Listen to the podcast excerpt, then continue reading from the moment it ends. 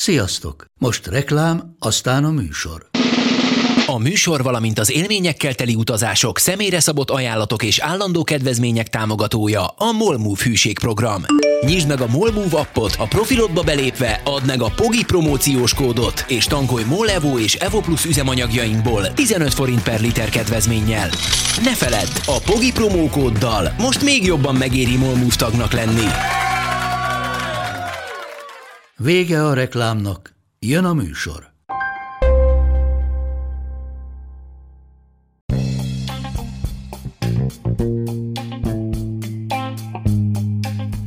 Ez itt a Pogi Podcast. Pogácsa Zoltán közgazdász, szociológus, politikai gazdaságtani podcastja a globális gazdaságról a klímaválság, az automatizáció, a digitális gazdaság, az egyenlőtlenségek és a posztdemokrácia korszakában.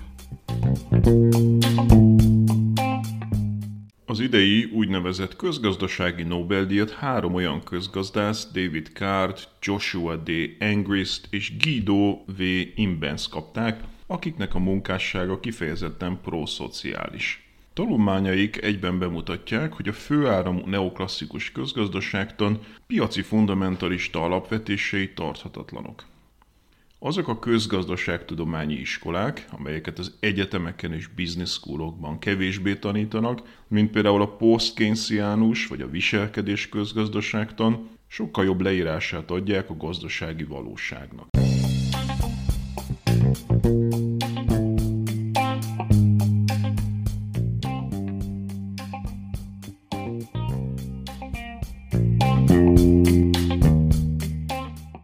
Első, amit az úgynevezett közgazdasági Nobel-díjról érdemes elmondani, az az, hogy nem igazi Nobel-díj. Az igaziakat ugyanis maga Alfred Nobel vegyészmérnök és feltaláló alapította 1895-ben, a közgazdaságit pedig sok-sok évtizeddel később, 1968-ban a Svéd Központi Bank saját fennállásának 300. évfordulója alkalmából. Ennek pedig jelentősége van, a közgazdasági Nobel-díjat ugyanis kifejezetten politikai célzattal hozták létre. A svéd közgazdaságtudomány ugyanis ismert módon a kezdetektől kifejezetten olyan mesdjén alakult ki, amely szembe helyezkedett a neoklasszikus főárammal, a piaci fundamentalizmussal, illetve a későbbi neoliberalizmussal.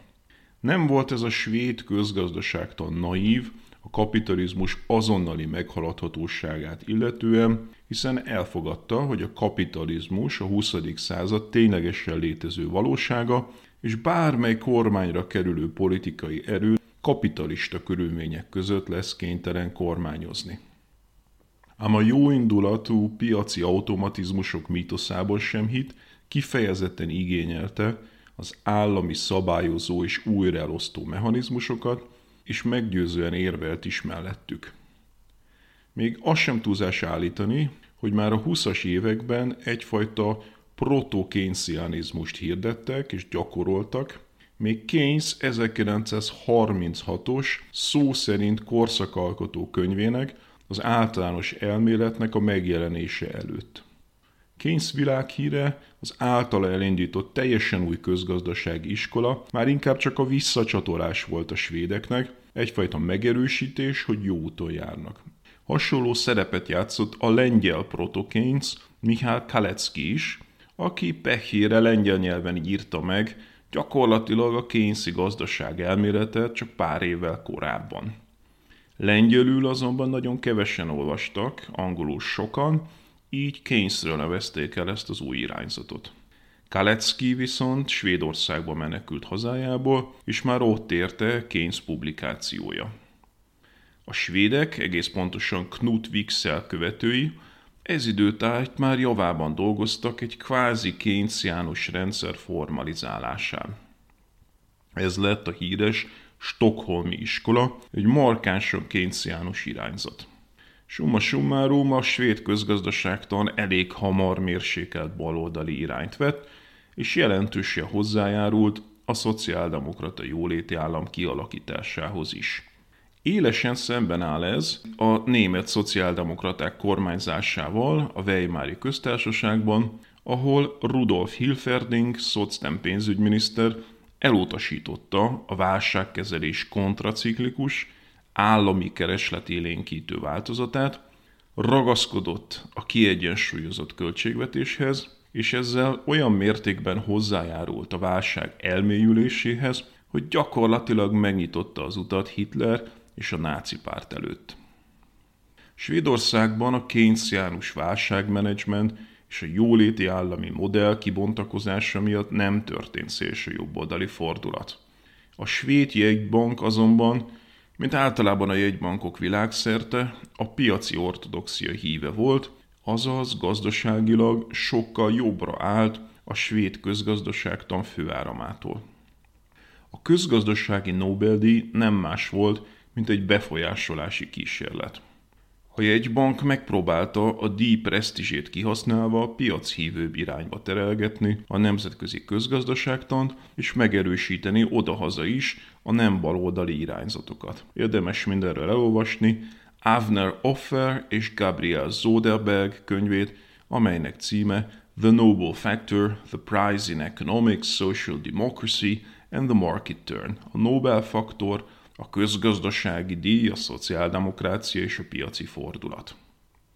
Ennek szerzői empirikusan vizsgálják a tudományák publikációit, idézettségét, stb. és kimutatják, hogy bár a nemzetközi közgazdaságtan eleve meglehetősen jobboldali irányzat gazdasági értelemben, az első évtizedekben a Nobel-díjak többségét még ettől is jobbra található szerzőknek adták azaz megpróbálták úgymond jobbra húzni a tudományágat.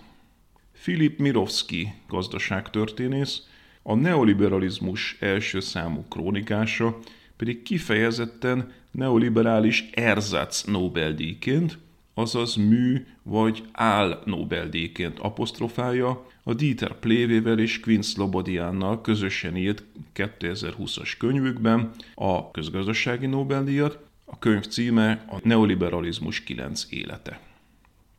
Amikor mutatóba mégis megkapta egy-egy balosabb szerző akkor pedig tipikusan egy jobbosat is kitüntettek vele együtt. Legjobb példa erre a piaccal szemben igen kritikus svéd Gunnar Myrdal, aki úgy kapta meg a közgazdasági Nobelt 1974-ben, hogy vele egy időben adtak egyet a gazdaságilag a szélső jobb kategóriájába sorolható osztrák Friedrich August von Hayeknek is. Az utóbbi időszakban azonban mindez változóban van.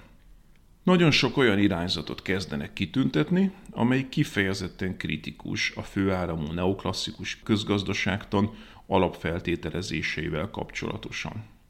Említhetjük itt a viselkedés közgazdaságtan szerzőit, Kahnemant, Thalert és még négy másik Nobel-díjast, akiknek munkássága erősen aláássa a főáram racionális homo vetett hitét, azt az alapfeltételezést, hogy a gazdaság szereplői mindig és minden körülményet között ismerik nyers gazdasági érdekeiket, azt követik is, és csak azt követik. Nem egyszerűen arról van itt szó, hogy ezeket az eredményeket is figyelembe véve mehet tovább a neoklasszikus főáram, hanem arról, hogy megkérdőjelezik, hogy az az iskola egyáltalán működőképes-e. De említhetnénk Esther Duflót, Abhijit Banerjee-t és Michael Kramert, a 2019-es nyerteseket is, akiknek a szegénység közgazdaságtanával kapcsolatos munkásságát díjazták. Ezek a szerzők bemutatják, hogy miért lehetetlen szinte kiverekedni magunkat a szegénység mentális, társadalmi és közgazdasági csapdáiból. Ez pedig ismét csak arra felé mutat, hogy mennyire hamisak a kritikátlan piachívők elképzelései az igazságos társadalomról.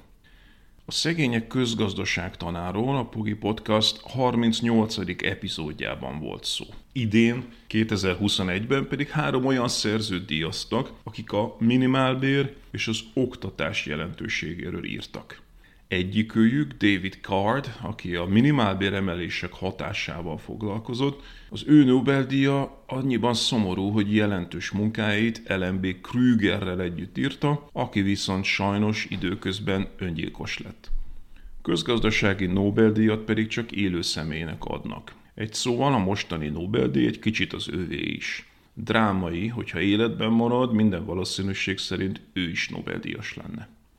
Munkájuk jelentősége, hogy cáfolták a hagyományos főáramú neoklasszikus közgazdaságtan azon nézetét, mely szerint a magasabb minimálbér alacsonyabb foglalkoztatási rátához vezet. Ha valaki figyelte az ezzel kapcsolatos magyarországi vitákat, láthatta, hogy a munkapiacsal foglalkozó magyar közgazdászok többsége ennek a neoklasszikus nézetnek a híve. Tudatosan használjuk itt a munkapiac kifejezést, a munkaerőpiac ugyanis önmagában egy értékterhelt piaci fundamentalista megnevezés. Sem angolul, sem németül nem munkaerőpiac, a labor market vagy az Arbeitsmarkt. Akárhányszor érdemi minimálbéremelés volt Magyarországon, megszólalt ez a kórus, és kifejezte aggodalmát, hogy óriási veszteséggel fog járni mindez a munkapiacon. A valódi eredmény vagy minimális veszteség volt, hatalmas bérnyereség mellett, mint 2001-2-ben, ahogy ezt láthattuk például Linnar Attila kutatásaiból. Vagy később kifejezetten bővülő foglalkoztatás mellett mentek végbe a jelentős minimálbéremelések, mint a Covid előtti években. Azaz, akár a magyar folyamatok is empirikus cáfolatát adhatnák a neoklasszikus elméletnek, amelyben azonban vezető hazai munkaközgazdászaink olyan szilárdan hisznek, hogy nem egy közülük konkrétan meg is szüntetné a minimálbér intézményét. A post-kénciánus irányzat, amely a kényszi közgazdaságtan valódi örököse szemben az úgynevezett új kénciánusokkal, mindig is tisztában volt vele, hogy minimálbér politikára már pedig szükség van. Nem csak azért, hogy méltányos bért kaphassanak az emberek. Semmi értelme nem lenne ugyanis a megélhetési szintnél alacsonyabb bérek mellett biztosítani a foglalkoztatás tömegesen, csak a dolgozó szegények millióihoz vezetne, ami a helyzet egyébként Kelet-Európában évtizedek óta. Egy szóval, az egyik érv a méltányos megélhetés, de a másik kénysziánus érv mindig is az volt, hogy a csökkenő bérek csökkenő kereslethez is vezetnek, hiszen egy valaki jövedelme egy másik valakinek a kereslete. Azaz, ha engedjük a béreket a végtelenségig lefelé alkalmazkodni, akkor egy soha véget nem érő, lefelé tartó bérkeresleti spirált, egy ördögi kört engedünk szabadon. Ezt csak is egy fix minimálbér tudja megállítani. Azaz minimálbérre a gazdaság egész szempontjából is szükség van, nem csak a háztartások megélhetése miatt. Ezért is használták a skandináv modellben folyamatosan a minimálbérpolitikát, sőt a termelékenység emelésére is, a valódi megélhetést nem adó, alacsony hozzáadott értékű vállalkozások kiszorítására is. De ez már egy hosszabb és bonyolultabb téma.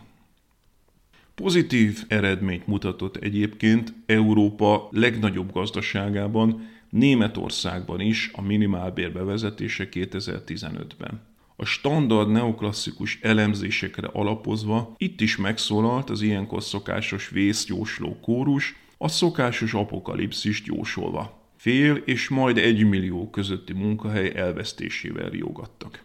A munkapiac összeomlása azonban elmaradt. Miközben óriási emelkedés volt a bérekben, a foglalkoztatás alig változott, a stabil és biztonságot adó hosszú távú munkaszerződések száma pedig még emelkedett is. Nem meglepő, hogy Németországban népszerű a minimálbér további emelésének gondolata.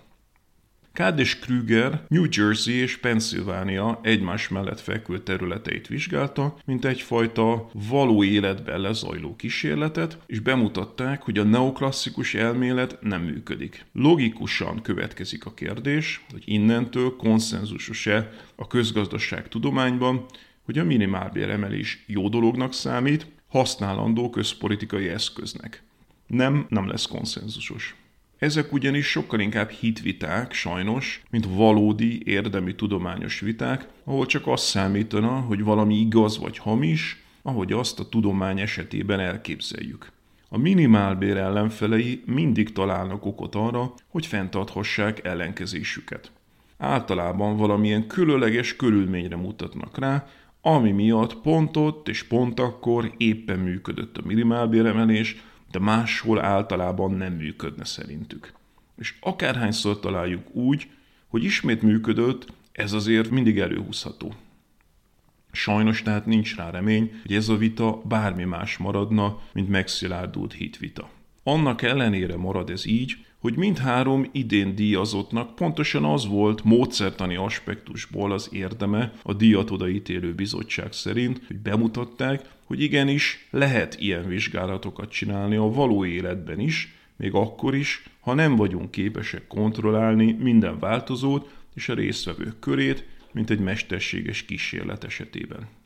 A másik két díjazott Joshua D. Angerst és Guido V. Imbens, akik az iskolai oktatás fontosságáról írtak hasonló módszertani keretben. A három díjazott egyébként közel egy millió dolláron osztozik, azaz nem kevés anyagi elismeréssel is jár a díj.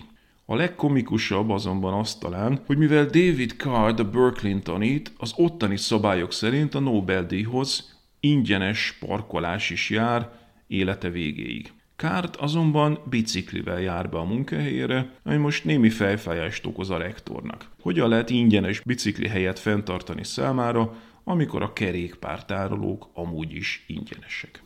Ez volt ma a Pogi Podcast. Ha vitába szállnál az elhangzottakkal, vagy témát javasolnál, keresd a Pogi blog oldalt a Facebookon. Ha támogatnád a podcastot, azt a www.patreon.com per Pogi Podcast oldalon teheted meg. Köszönjük! Ha más podcastekre is kíváncsi vagy, hallgassd meg a Béton műsor ajánlóját. El tudod képzelni, hogy a podcastet, amit éppen most hallgattál, fél év múlva már a mesterséges intelligencia generálja? Mi sem. De ha érdekel, eljötte már a gépek lázadása. Hallgass bele az Embertelen podcastbe. Orsós Lajos vagyok, a műsor házigazdája. Egyelőre még élőben. Egyelőre. Fedezzük fel együtt, hogyan ismerkedik, randizik, mesél és vitatkozik Betty és Péter, két teljesen mesterséges intelligencia. Lajos, a podcast címét mond még egyszer, Léci. Oké. Okay. Embertelen podcast. Ez a műsor a Béton közösség tagja.